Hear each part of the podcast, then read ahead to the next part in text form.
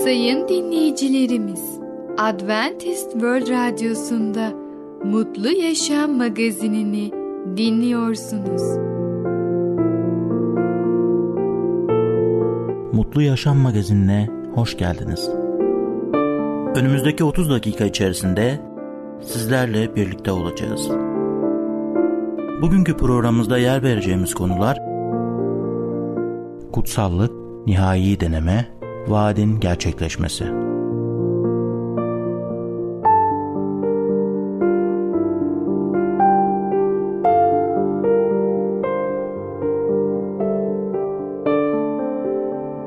Adventist World Radyosu'nu dinliyorsunuz. Sizi seven ve düşünen radyo kanalı. Sayın dinleyicilerimiz, bizlere ulaşmak isterseniz e-mail adresimiz radio.umutv.org radio.umutv.org Bizlere WhatsApp yoluyla da ulaşabilirsiniz. WhatsApp numaramız 00961 357 997 867 06 00961 357 997 867 06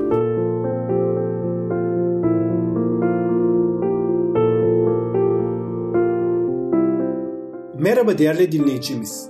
Ben Tamer. Başarılı Yaşam programına hoş geldiniz. Bugün sizlere kutsal olmak hakkında konuşacağız.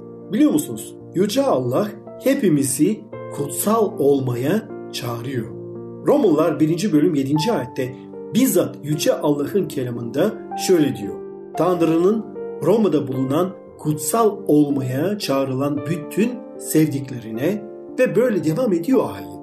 Pavlus tüm inanlıların kutsal olmaya çağrıldığını bildirir.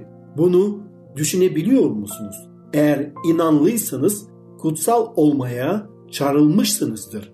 Bu noktada birçok imanlının kutsallıktan çok daha azıyla yetinmek isteyeceğinden korkulmaktadır. Elçi Pavlus sizin ve benim kutsallar yani azizler olmaya çağrıldığımızı söyler. Ya hayatımız Tanrı'nın hayatımızdaki aziz olma çağrısına uygun değilse sadece vasat bir inanlı hayatı sürenlere karşı Tanrı'nın tutumu ne olacaktır?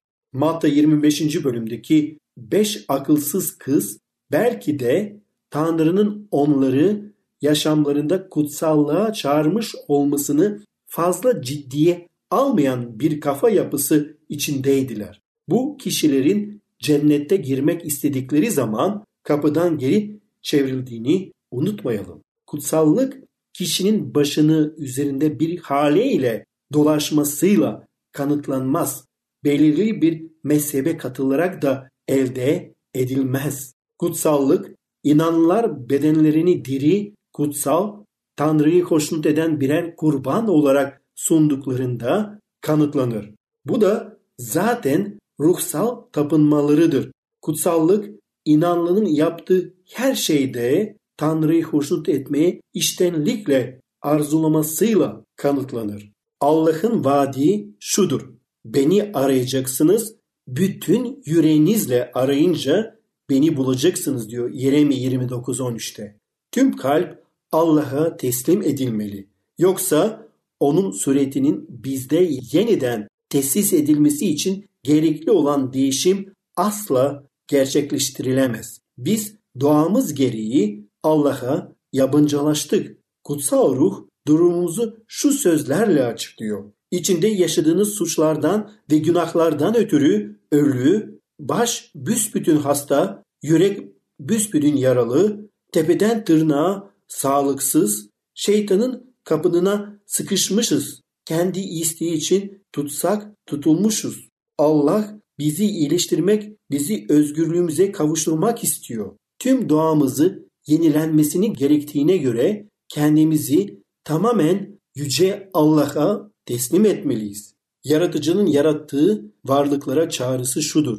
Gelin şimdi davamızı görelim. Yeşaya 1.18 Allah yaratıklarının iradelerini zorlamaz. Gönül rızasıyla ve bilinçle gösterilmeyen bir saygıyı kabul edemez. Salt zorlanmış bir teslimiyet tüm akıl ve karakter gelişimini önleyecek ve insanı sal bir robot yapacaktı. Yaratıcının amacı bu değildir. O, yaratıcı gücünün en üst örneği olan insanın en yüksek gelişime ulaşmasını ister. Önümüzde onun lütfu aracılığıyla ulaşmamızı arzuladığı bereket yüksekliklerini koyar. Kendi iradesini bizde gerçekleştirebilmesi için bizi kendimizi ona teslim etmeye davet eder. Günahın esaretinden özgür kılınmak, Allah'ın oğullarının görkemli özgürlüğünü paylaşmak bize kalmıştır. Kendimizi Allah'a verirken mecburen bizi ondan ayıracak her şeyi bırakmalıyız. O nedenle kurtarıcı sizden kim varını yoğunu gözden çıkarmazsa öğrencim olamaz diyor Luka 14.33'te. Kalbi Allah'tan uzaklaştırılacak her şey bırakılmalı. Zenginlik pek çok kişinin putudur. Para sevgisi, servet düşkünlüğü onları şeytana bağlayan altın zinciridir. Bir diğer sınıf ise şöhrede ve dünyevi şerefe tapar. Bencil bir rahatlık içinde yaşayan hayat ve sorumluluktan özgürlük de başkalarının putudur. Fakat bu kölelik bağları kırılmalıdır. Yarı Rabbin, yarı dünyanın olamayız. Tamamen Allah'ın çocukları olmadan hiçten onun çocukları olamayız. Kendi çabalarıyla Allah'ın yasalarına uymaya, doğru bir karakter oluşturmaya ve kurtuluşu elde etmeye çalışırken ona hizmet ettiklerini iddia edenler vardır.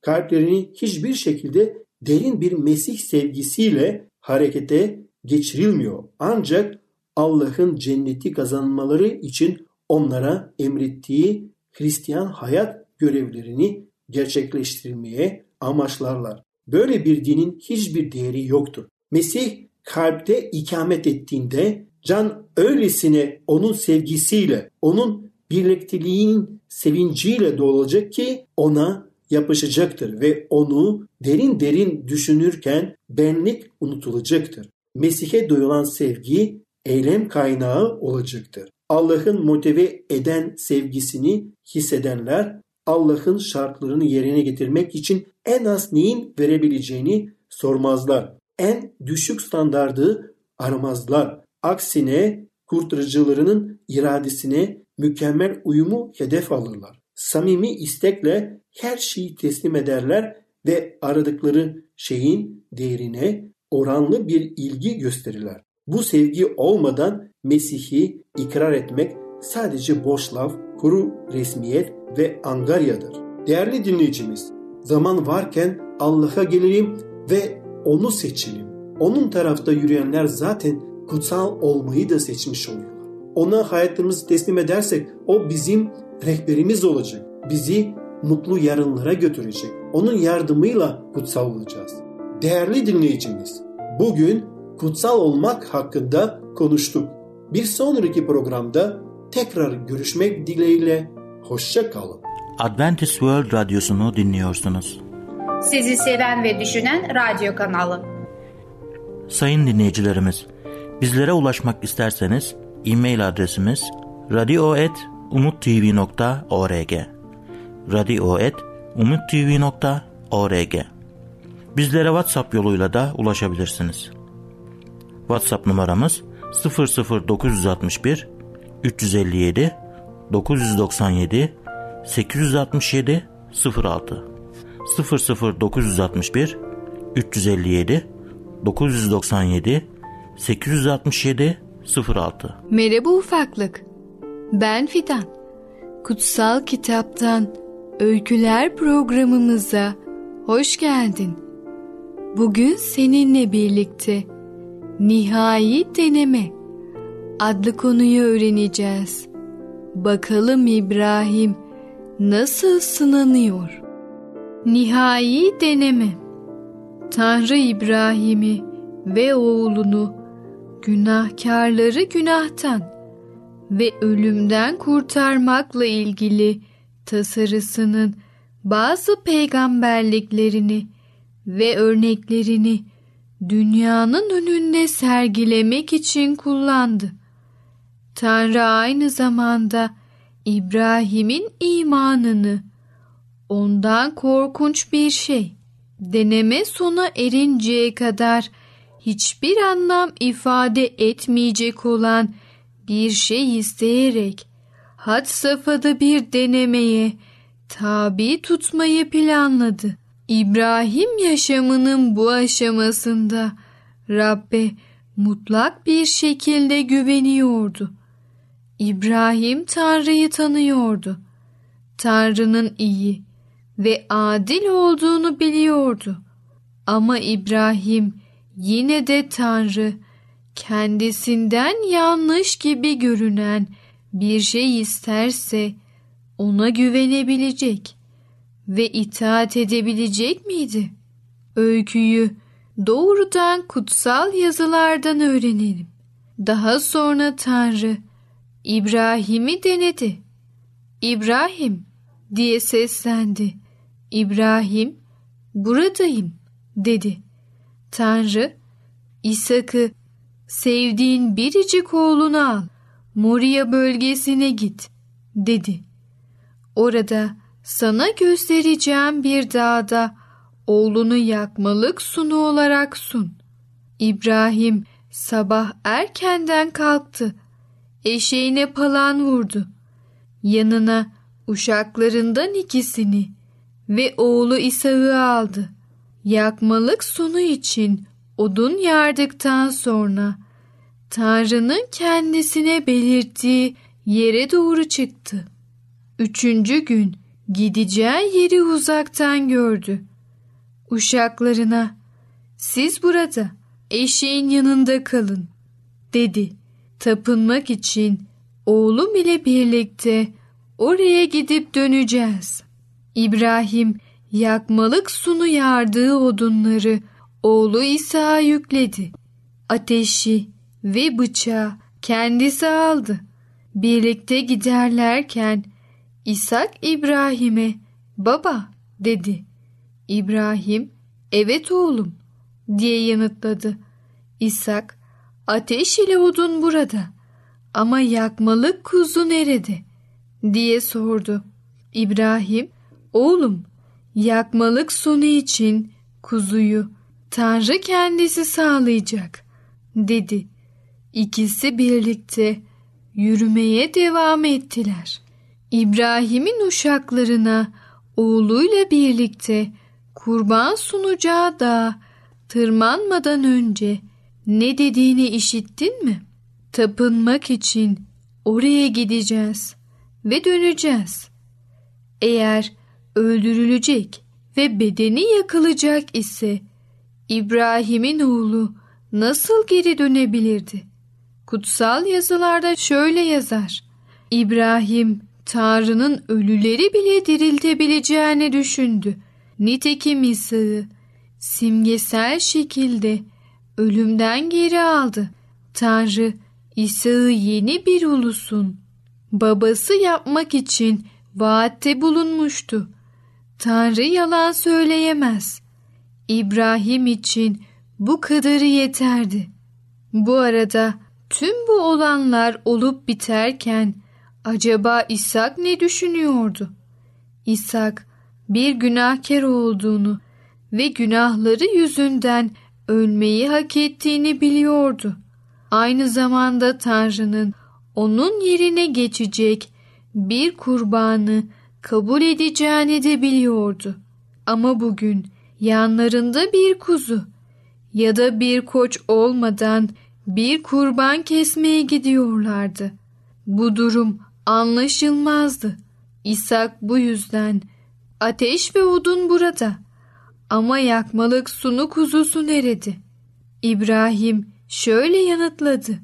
Oğlum yakmalık sunu için kuzuyu Tanrı kendisi sağlayacak.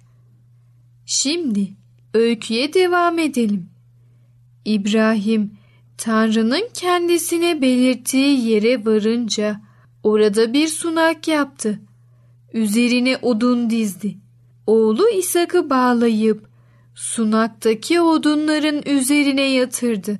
Sonra oğlunu boğazlamak için uzanıp bıçağı aldı.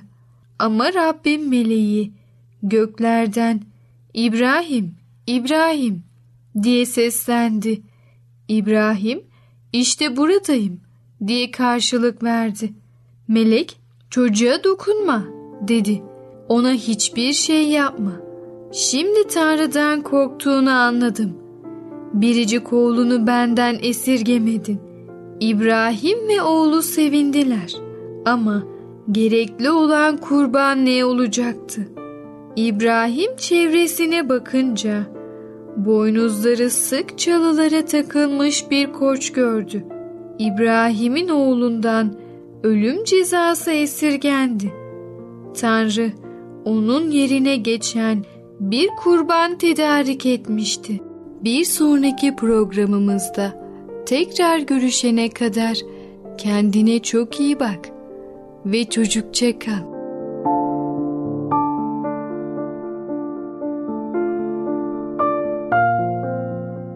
Adventist World Radyosu'nu dinliyorsunuz. Sizi seven ve düşünen radyo kanalı. Sayın dinleyicilerimiz, bizlere ulaşmak isterseniz e-mail adresimiz radio.umutv.org radio.umutv.org Bizlere WhatsApp yoluyla da ulaşabilirsiniz. WhatsApp numaramız 00961 357 997 867 06 00961 357 997 867 06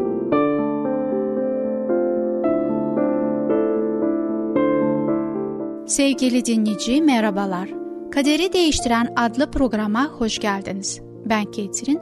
Bugün sizlerle zaman geçirmekten ve sohbet etmekten mutluluk duyarım. Bugün sizlere konuşmak istediğim konunun ismi vaadinin gerçekleşmesi. Sevgili dinleyicimiz, hatırlarsanız önceki programımızda İbrahim yüz yüze bir problemle karşı karşıya kaldı. Bu problemi nasıl çözeceğini bilemiyor. Fakat bu problem onun başına geldi. Allah'a güvenmediği için ve insani yollarla çözmeye kalkıştığı için. Bunun nasıl kararını doğru şekilde vermesi için ve artık idare edemediği için Allah'a danıştı. Kavraması zor olsa da bu öyküden çok önemli bir ders alabiliriz. Allah'ın vaat yoluyla vereceği şey hiçbir zaman çalışarak elde edemeyiz. Ve 12. ve 13. ayetlerde okuyarak devam edelim. Ancak Tanrı İbrahim'e oğlunla careyin için üzülme dedi. Sara ne derse onu yap. Çünkü senin soyun ısakla sürecektir. Careyin oğlundan da bir ulus yaratacağım çünkü o da senin soyun. Allah İbrahim'i teselli etti ve ona anlaşmanın İshak'a geçeceğini hatırlattı. Peki Allah senin soyunu İshak'la sürecektir derken ne demek istemişti? Bu Allah'ın İsmail'i İbrahim'in oğlu olarak kabul etmediği anlamına mı geliyordu? Kesinlikle hayır. Allah İsmail'in İbrahim çocuğu olduğunu ve onun da büyük bir ulus olacağını açıkça belirtmişti. Sezgin Bey, Ali'nin getirdiği elektrikçiyle çalışmadığında bu onun daha kötü bir elektrikçi mi yaptı? Tabii ki hayır. İşte aynısı burada oluyordu. İsmail her zaman İbrahim'in oğlu olacaktı ve Allah'ın onu kutsayacağını söylemişti. Allah kısacası kendi günlerinde Nuh'u ve peygamberi kullanmayı seçtiği gibi şimdi de İshak'ı kullanmayı seçiyordu. Öyleyse Allah şu sözleri söylerken ne demek istemişti? Senin soyunu İshak'ta sürecektir ve senin soyunun ayrıcalığa yeryüzündeki bütün halklar kutsanacak. İbrahim ve Sara İshak'ı Allah'ın vaadine iman ederek edendiler. Allah Sara'nın yaşlı olmasına nedeniyle çocuk sahibi olmasının fiziksel olarak imkansız olduğu bir zamanda onlara bir çocuk vaat etmişti. İshak dünya bir mucize yoluyla geldi. İbrahim'in ve Sara'nın övünebilecekleri bir şey değildi. Bu nedenle İshak bir iman simgesi olarak kabul edilebilir. Allah'ın vaatlerini tıpkı İbrahim'in yaptığı gibi iman yoluyla kabul edinler de İbrahim'in gerçek çocukları olarak kabul ediliyor olabilir mi? Belki de burada neslinin fiziksel özelliklerinden çok ruhsal niteliğine odaklanan bir bildiri vardır. Bu İbrahim'in çocuğu olmanın ne anlamına geldiği midir? Ve bu dünyanın nasıl kutsanabileceği midir? Bunun kardeşlerimizi nasıl değiştirebileceğimizle bir ilgisi var mı? Allah neden bunu böyle gerçekleştirmek istesin? Bu sorulara verebilecek yanıtlar olmasına rağmen onları bu öyküde bulamıyoruz. Ancak kontrol her zaman olduğu gibi Allah'ın elinde. O İbrahim'e verdiği sözü tutacak. 14'ten 21'e kadar ayetlerle bitirelim. İbrahim sabah herkeden kalktı. Biraz yiyecek, biraz tulumda su hazırlayıp Hacer'in omuzuna attı. Çocuğunu da verip onu gönderdi. Hacer Berşefa çölüne gitti. Orada bir süre dolaştı. Tulumdaki su tükenince oğlunu bir çalının altına bıraktı. Yaklaşık bir ok atımı uzaklaşıp oğlumun ölümünü görmeyeyim diyerek onun karşısına oturup hıçkıra hıçkıra ağladı. Tanrı çocuğun sesini duydu. Tanrı'nın meleği göklerden Hacer'e neyin var Hacer diye seslendi. Korkma çünkü Tanrı çocuğun sesini duydu. Kalk oğlunu kaldır elini tut. Onu büyük bir ulus yapacağım. Sonra Tanrı Hacer'in gözlerini açtı. Hacer bir kuyu gördü. Gidip tulumunu daldırdı, oğluna içirdi. Çocuk büyürken Tanrı onunlaydı. Çocuk çölde yaşadı ve okçu oldu. Paran çölünde yaşarken annesi ona Mısırlı bir kadın aldı. Allah vaatlerini yerine getirdi. İbrahim ve Sara'nın bir çocukları oldu.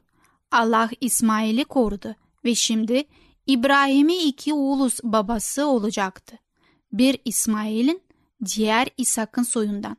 Sözlerin sürekli olarak bozulduğu bir dünyada Allah'ın kendi sözünü tutacağına inanabilir ve kesin olarak bilebiliriz. Bir zamanlar Cemal adında genç bir adam bu genç Nurhan adında özel bir kıza aşık olmuş. Zamanla Nurhan'ın kalbini kazanmış ve Nurhan onunla evlenmek istemiş. Kararını Cemal'in askere gitmesinden hemen önce vermiş. Bugün planları veya buna benzer bir şey yapacak zamanları yokmuş. Cemal Nurhan'a şöyle demiş. Geri döndüğümde seninle evlenmek istiyorum. Nurhan seni bekleyeceğim diyerek söz vermiş. Cemal fakat sen çok güzelsin ve iyi bir aileden geliyorsun.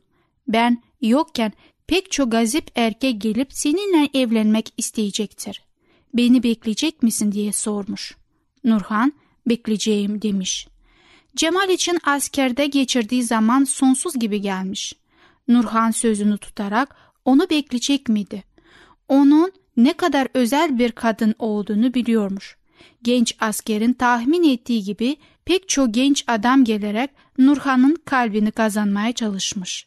Fakat o her seferinde şöyle demiş. Başka birine söz verdim. Resmi olarak nişan yapmamış olmalarına rağmen Nurhan Cemal'e verdiği sözü tutmuş.